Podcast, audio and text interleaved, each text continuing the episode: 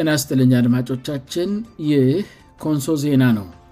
አሁን የዕለቱን አንኳር ዜና የምናቀርብበት ጊዜ ላይ ደርሰናል ዜናውን የማቀርብላችሁ የቬሎናታይነኝ አብራችንቆዩ አርስተ ዜናዎችን በማስቀደም የዕለት ረቡ ም 13 ቀን 2014 ዓ አንኳር ዜናዎችን አሰማለሁ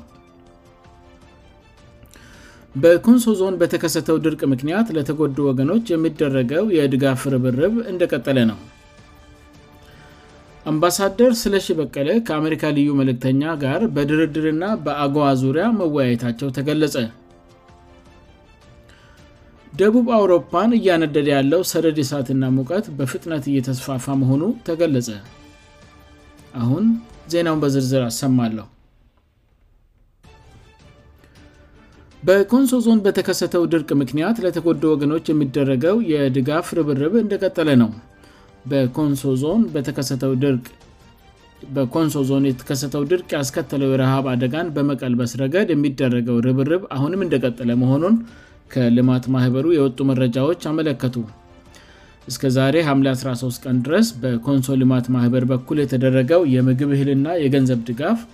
460 ብር መድረሱን ከልማት ማህበሩ ያገኘነው መረጃ ያመለክታል በዞኑ ውስጥ የሚገኙእና ከዞኑ ውጭ የሚኖሩ የኮንሶ ተወላጆች አሁንም ድጋፋቸውን እንደቀጥሉ ናቸው ከዚህ በፊት ጋዜጠኞችን ጨምሮ የውጭ ዜጎች ሳይቀሩ የኮንሶ ህዝብ ወዳጆች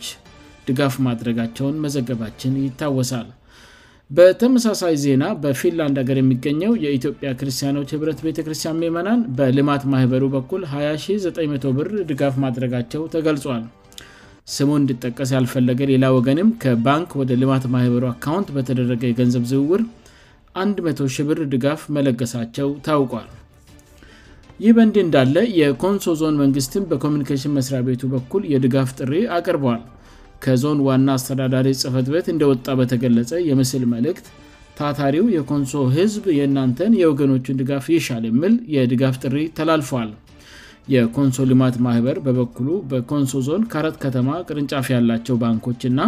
እንደዚሁም በሌሎች አካባቢዎች ያሉ ልማት ማኅበራትም ድጋፍ እንዲያደርጉ በደብዳቤ መጠየቁን አስታውቋል በቀጣይም በአካል ከተቋማቱ ጋር እየተገናኘ የድጋፍ ቅስቀሳውን እንደሚቀጥልም ገልጿል ይህ ኮንሶ ዜና ነው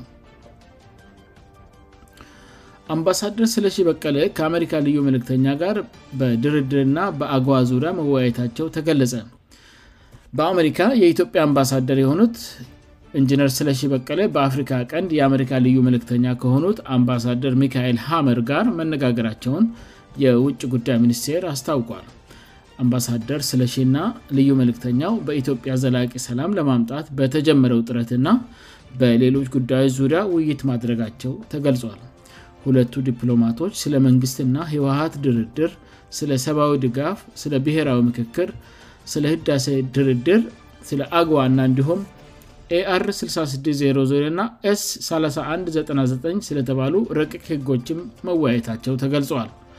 አምባሳደር ስለ የኢትዮጵያ መንግስት በሀገሪቱ ዘላቂ ሰላም መረጋጋት እንዲመጣ ያልተቆጠበ ስራ እየተሰራ መሆኑን ለዲፕሎማቱ መናገራቸው ተገልጿል አሁን ላይ መንግስት በሀገሪቱ ሰላም ይመጣ ዘንድ የስራ ሂደቶችን የጀመረ መሆኑን የገለጹት ዲፕሎማቱ ይህንን እውን ለማድረግ ግን ሌላኛው ወገንም ልሰራ እንደሚገባ አንስተዋል በሌላ ወገን ያለው አካልም ሰላም እንዲመጣ ቢሰራ መንግስት የጀመረው የሰላም ጥረት እውን እንደሚሆንም ነው ዲፕሎማቱ የገለጹት በአፍሪካ ቀንድ የአሜሪካ ልዩ መልክተኛ አምባሳደር ሚካኤል ሀመር በበኩላቸው የተጀመረው የሰላም ጥረት እንድሳካ ሀገራቸው ድጋፍ እንደምታደርግ ገልጸዋል የአሜሪካ ዲፕሎማት ኢትዮጵያውያን ሰላም እንዲያገኙ ሀገራቸው ድጋፍ ለማድረግ መዘጋጀቷንም ለአምባሳደር ስለሺ ገልጸዋል ስል የውጭ ጉዳይ ሚኒስቴር ገልጿዋል አምባሳደር ስለሺ መንግስት በግጭትእና በድርቅ ለተጎዱ ወገኖች የሰብአዊ ድጋፍ የማድረሱ ስራ ያለ እንቅፋት መቀጠሉን ማንሳታቸው ተገልጿዋል አሜሪካ የኢትዮጵያ መንግስት እየወሰዳቸው ላላቸው ጥረቶች አድናቆት እንዳለው መግለጹን የኢትዮጵያ መንግስት የውጭ ጉዳይ ሚኒስትር ገልጿል የህድሴ ግድብ በሚመለከት የኢትዮጵያ የምትከተለው አቋም ሚዛናዊ መሆኑን የገለጹት አምባሳደር ሚካኤል ሀመር ደግሞ ሶስቱ ሀገሮች አሁ ሁሉንም ጠቃም የሚያደርግ መንገድ ላይ ይደርሳሉ የሚል ተስፋ እንዳላቸው ገልጸዋል አምባሳደር ስለ ኢትዮጵያ ከአገዋ ተጠቃሚነት የወጣችበት መንገድ እና ማዕቀብ ለመጣል የተዘጋጁት ኤr-6600ና ስ-3199 የተባሉ ረቅቂ ህጎችም ረዥም ጊዜ ላስቆጠረው የአዲስ አበባ ና የዋሽንግተን ግንኙነት የሚመጡን እንዳልሆኑ ተናግረው መስተካከል እንዳለበትም መጠይቃቸው ተገልጿዋል የአሜሪካ ልዩ መልእክተኛ በበኩላቸው ኢትዮጵያ ወደ አጎዋ ተጠቃሚነት እንድትመለስ ቅድሜ ሁኔታዎች መሟላታቸው ጠቃሚ መሆኑን መግለጻቸውን የውጭ ጉዳይ ሚኒስቴር ገልጿል በአፍሪካ ቀንድ የአሜሪካ ልዩ መልእክተኛ ተደርገው የተሾሙት አምባሳደር ሚካኤል ሃመር በዚህ ሳምንት ወደ አፍሪካ ቀንድ አካባቢ እንደሚመጡ ይጠበቃል ይህ ኮንሶ ዜና ነው ደቡብ አውሮፓን እያነደደ ያለው ሰደድ እሳትና ሙቀት በፍጥነት እየተስፋፋ መሆኑ ተገለጸ ደቡባዊ የአውሮፓ ሀገራትን እያነደደ ያለው ሰደድ እሳትና ሙቀት በፍጥነት እየተስፋፋ በስፔን በኩል አድርጎ ወደ አፍሪካን በመግባት ላይ መገኘቱ ተገልጿዋል በደቡብ አውሮፓ ሀገራት በተነሳው ሰደድ እሳትና አደጋውን ተከትሎ በሚፈጠረው ሙቀት የሞቱ ሰዎች ቁጥርም እያሻቀበ ይገኛል ተብለል የደቡባዊው የአውሮፓ ሀገራት የሆኑት ስፔን ፖርቱጋል ግሪክ እንግሊዝ ፈረንሳይ እና ጣልያን እየተስፋፋ ባለው ሰደድ ሳት ከፍተኛ ጉዳት በማድረስ ላይ እንደሆነ ተገልጿል ሰደድ ሳቱ ለመጀመሪያ ጊዜ የተከሰተው በፖርቱጋል ሲሆን አሁን ላይ ወደ ጎረቤት ሀገራት በመስፋፋትና ለበርካታ ዜጎች ስጋት መሆን መቻሉን ሮይተርስ ዘግበል በፖርቱጋል እስካሁን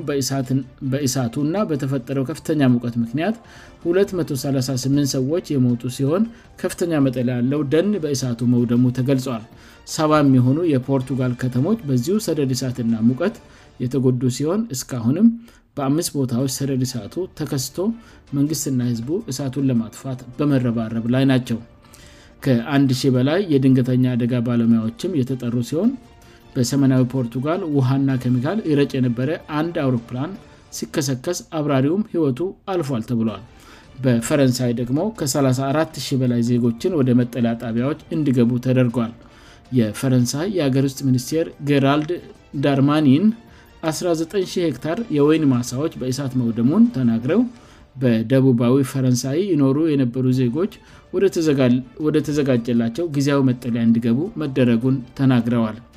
አሁን ላይ ሁሉም የደቡብ አውሮፓ ሀገራት ከፍተኛ ሙቀትን እያስተናገዱ ሲሆን ሙቀቱ በፖርቱጋል 47 ሰንግድ በስፔን በእንግሊዝና በሌሎች አውሮፓ ሀገራትም ከ40 ሰንግድ በላይ ሙቀት በመመዝገብ ላይ እንደሆነ ተገልጿል